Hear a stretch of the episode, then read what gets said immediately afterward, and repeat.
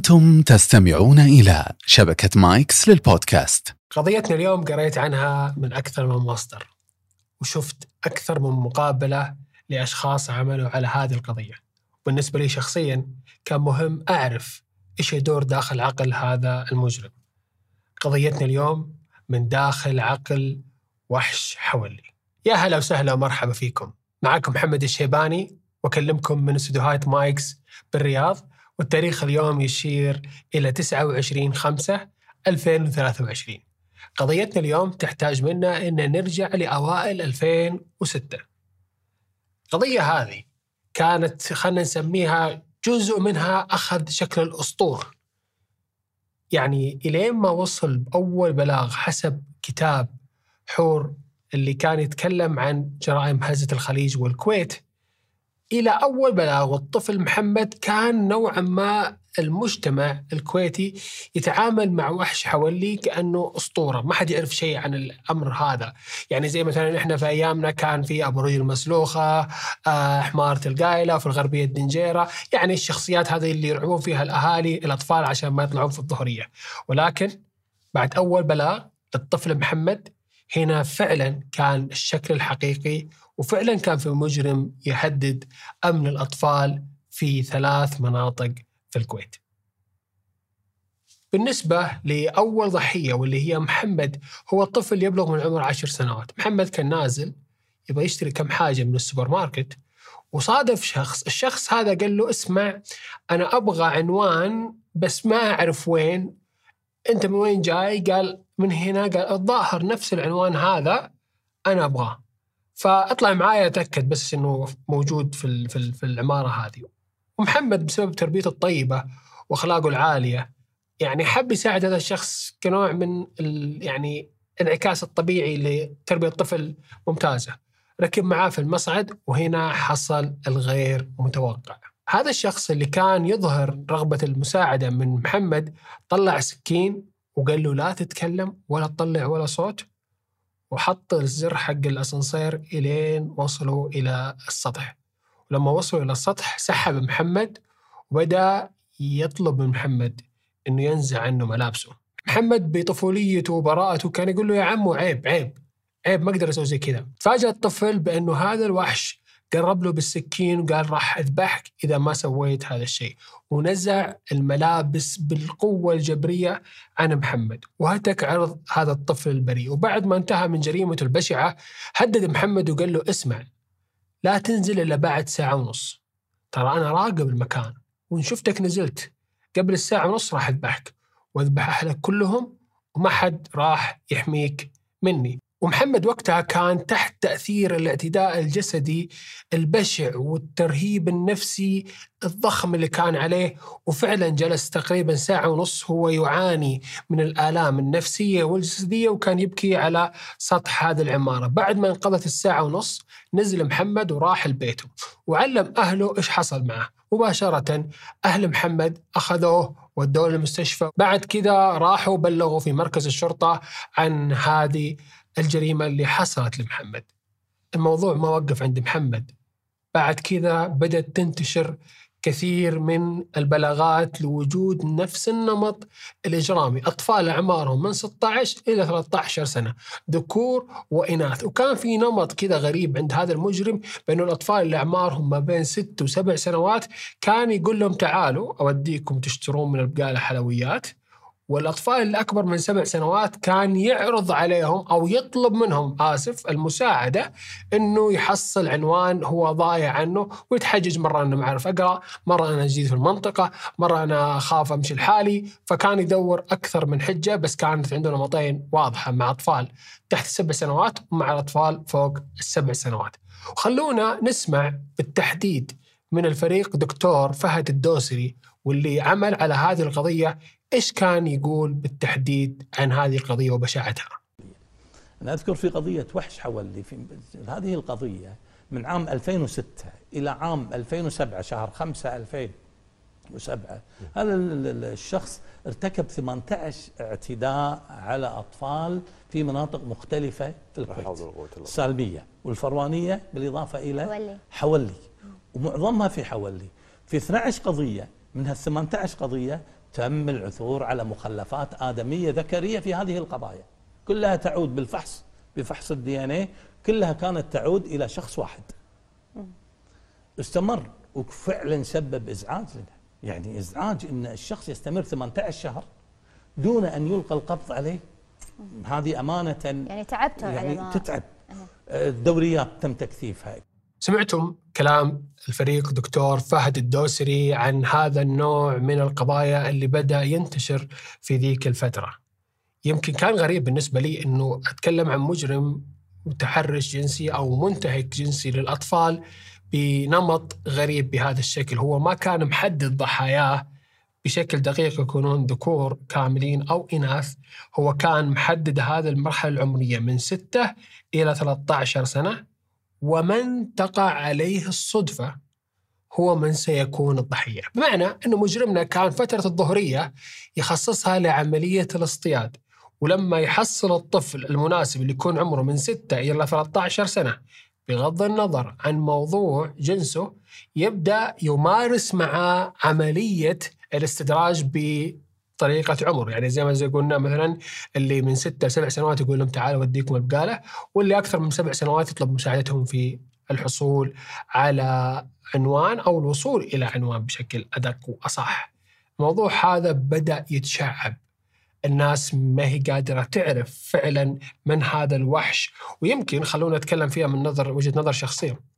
كمحلل سلوكيات إجرامية في عندي وجهة نظر خاصة بهذا الموضوع وخصوصا في فترة نشاطه لما بدأت تكثر البلاغات وصلت إلى 18 بلاغ كان في عدم تمييز لملامح هذا المجرم. والشيء هذا يرجع أصله إلى فكرة صناعة هذا الوحش الأسطوري. يعني في أطفال ما يدرون من هو وحش حولي. فيتوقع وحش حولي وحش حرفيا. يعني شخص مشوه شخص ممكن ياخذه بالقوة قدام الناس ما يستدرجه بطريقة غير مباشرة أو يستغل غريزة طبيعية في الطفل سواء كان أقل من سبع سنوات أو أكثر من سبع سنوات في مساعدة أو في شراء حاجة من السوبر ماركت هو كان متأثر بأنه اللي يخاف منه لازم واحد مشوه واحد ممكن ياخذك بالقوة من قدام الناس شكله مرعب. وهالشيء انعكس على الضحايا وفاد المجرم بشكل إنه لما يستهدف ضحاياه ضحاياه ما يكون عارفين إنه هذا المجرم هو وحش حولي. زي ما قلت الموضوع وصل إلى 18 بلاغ. ما في صورة قطعية عن ملامح أو صفات مميزة تخلي الأهالي ينتبهون أو يحذرون أطفالهم منهم أو الجهات الأمنية تكون مساعدة لها في عملية القبض. لكن حصل حدث. الحدث هذا خلونا نسمعه بلسان الفريق دكتور فهد الدوسري. هي صباح يوم الأربعاء. في وسائل. الإعلام في جرايد جرايد. الكويت. هذا الكلام يوم الأربعاء. أحد ضباط المباحث كان يتدرب في نادي صحي في منطقة الجابرية. سأل عن مدرب. قال ما أشوفه هاليومين. قالوا له والله تعبان عنده ظرف معين. فحطها في ذهنه. استرجع صورة هذا المدرب هذا ضابط المباحث وهذا ضابط ذكي على فكرة. اللي خلاه يربط الصورة اللي موجودة. بالكابتن اللي جاي في اليوم الثاني الأربعاء الخميس سأل عنه لا زال مو موجود. غير موجود. الجمعة غير موجود. فربط. راح ليوم السبت إلى بيتهم في خيطان. سأل عنه وين بيته؟ راح إلى الخيطان إلى خيطان. نعم. ما لقى الشخص رجع في المساء انت العفو يا- العفو دكتور هذا اجتهاد شخصي منه. لحد الآن مو لا، لا مبلغ ولا الان لا الان يعني هو هو عنده بدأ. يثير الشك الآن. اي بس هو قاعد ضابط. المبا... ضابط المباحث عمله يقوم على الشك. نعم نعم. فبدأ يثير الشك وهو الآن شاك فيه. نعم. إحنا قلنا له قوي البنية هذا مدرب. صحيح. وقلنا له انه شوي بس يعني هم- أعتقد الأحد أو الأثنين مساء. تذكرته عشان إيه لما راح له مره ثانية أنت يا ضابط المباحث قالوا له الشخص غادر أو يبي غادر استعلم عنه وجد مخرج كانت الساعة تقريبا 12 بالليل. يوم يوم الاثنين. استعلم بالجهاز وجد انه عمل مغادرة بس الطيارة ما طارت. ذهب وأخذ إذن وكان قرار جريء جدا. وقتها الوكيل المساعد في المطار مال المنافذ كان آه، اللواء انور الياسين أمر. والطيارة كانت طالعة سكروا البوابة طيران الجزيرة. وهي على المدرج. سحبها وأمر بطلبها مع انها إذا ما كان في شيء أو لم يلقى على القبض عليه أو لم يكن هو. راح يعني تسبب مشكلة مع الطيار المدني أو رجعت الطيارة إلى المطار الساعة 3 الفجر دق تليفوني أنا شخصيا. الفريق غازي دق علي كان يقول لي كذي بالحرف الواحد صاحبك موجود تعال خذ منه عينة دم الساعة 3 الفجر. انتقلت. معي مضمد. وأخذنا عينة دم وطلبت من الأخت خالده التمار الساعة 5 الفجر حضرت إلى الإدارة. بيتها في علي صباح السالم. انتقلت. شغلت المختبر الساعة 5 الفجر. أنا لسه قاعد أقول لكم؟ عمل فريق. انتقلت. وشغلت المختبر معها ولدها. عمره 16 17 الآن ضابط بالشرطة. ما شاء الله. اسمه. سليمان. شغلت المختبر الساعة عشر ونص كادت النتيجة انطباق العينة المرفوعة من المأخوذة من المتهم مع ال 12 عينة اللي رفعت في قضايا. بصراحة أنا لما كنت أسمع هذا المقطع فهمت قديش الجهود الجبارة والعظيمة لجهاز الأمن في الكويت وكل من عمل على هذه القضية. تخيلوا المجرم كان مسافر يعني كان خارج. وفعليا مسكوه على وقت إقلاع الطيارة. حاجة رائعة جدا وجهود تذكر فتشكر. نرجع لموضوع قضيتنا. الآن صار عندنا مجرم معروف يبلغ من العمر 27 سنة يمتهن مهنة التدريب الشخص الرياضي في أحد أندية الحديد واللياقة. والأمر الآن يخلينا نرجع للدائرة الأساسية واللي متعودين عليها معنا في موضوع التحليل السلوك الإجرامي الخاص بجناية اللقاء الأخير. بصراحة أنا لما شفت القضية من أكثر من مصدر جاء في بالي سؤال يعني ليش هذا المجرم غير باقي المجرمين اللي يمتهنون هذا النوع من السلوك الإجرامي والانجذاب الجنسي الإجرامي والمنحرف تجاه الأطفال؟ مجرمنا الآن عنده مواصفات بدنية. نتكلم عن شخص رياضي ذو بنية عضلية ذو لياقة بدنية عالية. ونتكلم عن نوع ضحايا. نوع ضحايا لو نجي بنحسبها كذا فيزيائيا يعني بالورقة والقلم ما في إمكانية مقاومة. هذا رقم واحد. رقم اثنين. طيب ما دام ما في عنصر مقاومة وما في إمكانية مقاومة للفارق البدني الموجود بين الضحية والمجرم ليش استخدم السكين؟ عنصر جدا مهم. كان بإمكان المجرم زي أي نوع من مجرمين هذا النوع السلوك الإجرامي إنه يستخدم بنيته الجسديه لإجبار ضحيته في الاندماج مع الفعل الإجرامي هذا. لكن هو كان عنده شيء خايف منه أو عنده حاجة مو واثق فيها. ألا وهي ممكن يكون عدم قدرة جنسية عنده أو نوع من عدم الثقة الشخصية في هويته وأنه حتى هذا العضل اللي حوله هو يرى بأنه ضعيف جدا. وممكن حتى لو في أحد يسمعنا الآن وكان يعرفه من قبل أو كان في النادي يتدرب عنده ممكن فعليا كان يلاحظ عليه مواصفات أنه من الناس اللي ما يقدر يبني أي حوار ويكون في تواصل بصري مستمر مع بالغ في عمره. وشخص إذا حتى لو هو عليه يعني له الخطأ ولازم أحد يعتذر له هو اللي يبادر بالاعتذار. يعني في نوع من عدم القدرة في ثقته بنفسه. كذا خلوه في بالكم. وهالشيء يساعد إنه حتى الطفل مو قادر يواجهه لأنه في حاجة عنده داخليا تحسس إنه حتى الطفل هذا أبو ست سنوات أو سبعة أو عشرة أو 13 هو أقوى مني. فحتى لو اخذته في مكان معزول زي أماكن كانت من ضمن القضية أماكن بيوت قيد الإنشاء يعني فعل قيد الإنشاء ما فيها أحد. يعني خلينا نقول الج- الجريمة الأولى جريمة محمد كان ممكن يحاول يجبر محمد إنه ما يطلع صوت خايف إنه الجيران يسمعون. لكن في جرائم ثانية وهالشيء خلينا نسأل بعد ليش استخدم السكين مع إنه عنده القدرة المكانية والزمانية والبدنية؟ إنه يكسب كامل السيطرة على ضحيته. بس استخدم السكين كإضافة تأكيدية لسلطته وسيطرته لأنه مو متأكد من سلطته وسيطرته. هالشيء جدا مهم ولازم يكون واضح بالنسبة لهذا النوع. طبعا مجرمنا هذا أخذ أكثر من حكم إعدام وتم تنفيذ الإعدام في عام 2013 أما بالنسبة للمناطق اللي كان موجود فيها هو كان يعمل في هذا المثلث. إحنا نسميه التحليل الجغرافي للسلوك الإجرامي. لما نجي نقيس كل الجرائم اللي حصلت فنحصلها داخل هذا القطاع أو هذا القطر آه، الجغرافي كنوع من عملية العمل أو طريقة العمل الخاصة بهذا المجرم. وخلونا نسمع برضو حاجة مهمة جدا. تأكد موضوع عدم الثقة وبرضو تغييره لمواقع مسارح الجريمة الخاصة فيه. بعد القاء القبض عليه أنا واحد من الناس اللي سألته ليش رحت الفرانية؟ وارتكبت فعلك في الفرانية. قال كنت أروح آه، حولي هذا الشارع اللي في ثانوية طليطله كنت أروح الشارع وأشوف الدوريات فهربت راح هرب مرة إلى السالمية. وهرب مرة. العمل في هذا الفريق بعد مجرمنا كان يتابع وسائل الإعلام. كان يشوف التغطية الإعلامية والأمنية بشكل حثيث.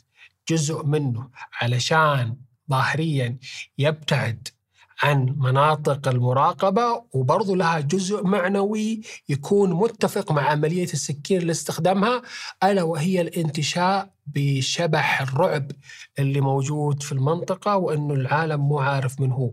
يعني هو قاعد يقرأ الخبر في الصحيفة جالس يحس بأنه فعلا أنا عندي السلطة والقدرة على هذا المجتمع وهم ما يعرفون أنا مين. في الجانب الآخر أنا أعرف فين مناطقهم فأغير نقاط الاستهداف. كذا إحنا عرفنا ليش استخدم السكين وإيش يأكد وجهة نظره الشخصية تجاه نفسه. بس أنا عندي كلمة أخيرة قبل ما أنهي. يمكن قضية آه وحش حولي قضية التوربيني. طبعا من أحد الأشياء اللي ذكرها في ملف التحقيقات بأنه شخص اعتدى عليه في طفولته. وهذا فعلا برضو يؤكد موضوع ذكرته في كتابي 40 زنزانة واللي هو نوع من أنواع المتحرشين جنسيا بالأطفال واللي يكون باحث عن بديل. الباحث عن بديل هذا يكون ضحية لاعتداء جنسي في طفولته فيحس بكمية الذنب بأنه جزء من هذه الجريمة والنبذ المجتمعي اللي حصل فيه هو يتحمل جزء منه فيحتاج يبحث عن ضحية تشبهه في الجنس والعمر ويمارس عليه نفس الفعل الإجرامي علشان يعطي نفسه شعور بعدم الذنب بأنه كل من هم في هذا العمر وقعوا لنفس هذا الفعل وأنت مجرد ضحية. ويبدأ تتجدد هذه النوع من المشاعر السلبية مع كل فترة فيحتاج يرتكب جريمة تغطي على هذه النقطة زي ما حصل مع التربيني وبرضه بيكون متفق مع شخصية وحش حولي. ومن هنا أنا ودي أقول كلمة من قلبي لكم لكل أفراد المجتمع بشكل عام. مثل هذا النوع من القضايا سواء كانوا الضحايا الموجودين على المقام الأول والأساسي، إحنا الآن زي ما سمعنا كلام الفريق دكتور فهد الدوسري يقول إنه في 18 حالة. ممكن في حالات كثيرة ما تم البلاغ عنها سواء كانت لنفس المجرم أو مجرم آخر من أي مكان في العالم العربي. كل ما هو علينا كأفراد مجتمع إلا قدر الله حصل ووجدنا عندنا ضحية اعتداء المقام الأول إنه نأخذ حقها عن طريق القانون والجهات القانونية وهذا حق مكفول قانونيا. اثنين وهو أن نأخذ هذا النوع من الضحايا ونعطيه الكمية الكافية من الرعاية النفسية والعاطفية والمجتمعية. لأنه مع مرور الوقت من الممكن إنه فقدان الضحية للتعاطف فقدان الضحية لتحقيق العدالة لها، فقدان الضحية لشعور إنها أسرتها تخلت عنها في هذا الظرف وتحملها جزء من المسؤولية قد تعود لصناعة مجرم من نفس النوع وهو الشيء اللي ذكرته في المغتصب الباحث عن البديل في التحرش الجنسي بالاطفال. حماكم الله، حمى الله أطفالكم وأطفال العالم كلهم من هذا النوع من المجرمين وباقي السلوكيات الإجرامية. إلى هنا ورجعنا برحلتنا إلى الرياض إلى استديوهات مايكس وكان معكم محمد الشيباني من جناح. وتقول إن هذا المتهم هذا الشخص ارتكب هذه الجريمة في هذا الساعة وفي هذا الزمان في هذا الوقت وهذا الخبر حطيناه ذاك الوقت شوف صار في شو نهايته. القصد من هذه العملية كلها هذه يرتبها فلسفه علم الإجرام. علم الإجرام علم قديم مترسخ في في علم العقاب يتكلم عن عفوا عن علم العقوبة. علم العقوبة يتكلم عن الردع العام والردع الخاص. الردع الخاص عن عن طريق تقويم سلوك المحكوم عليه وعن طريق عقابه. أما الردع العام عن طريق المجتمع المجتمع لازم يشوف وين العقوبة. فلهذا السبب تم التقرير على أن حضور وسائل الإعلام في المرحلة اللي ما قبل التنفيذ إلى حين تمام التنفيذ.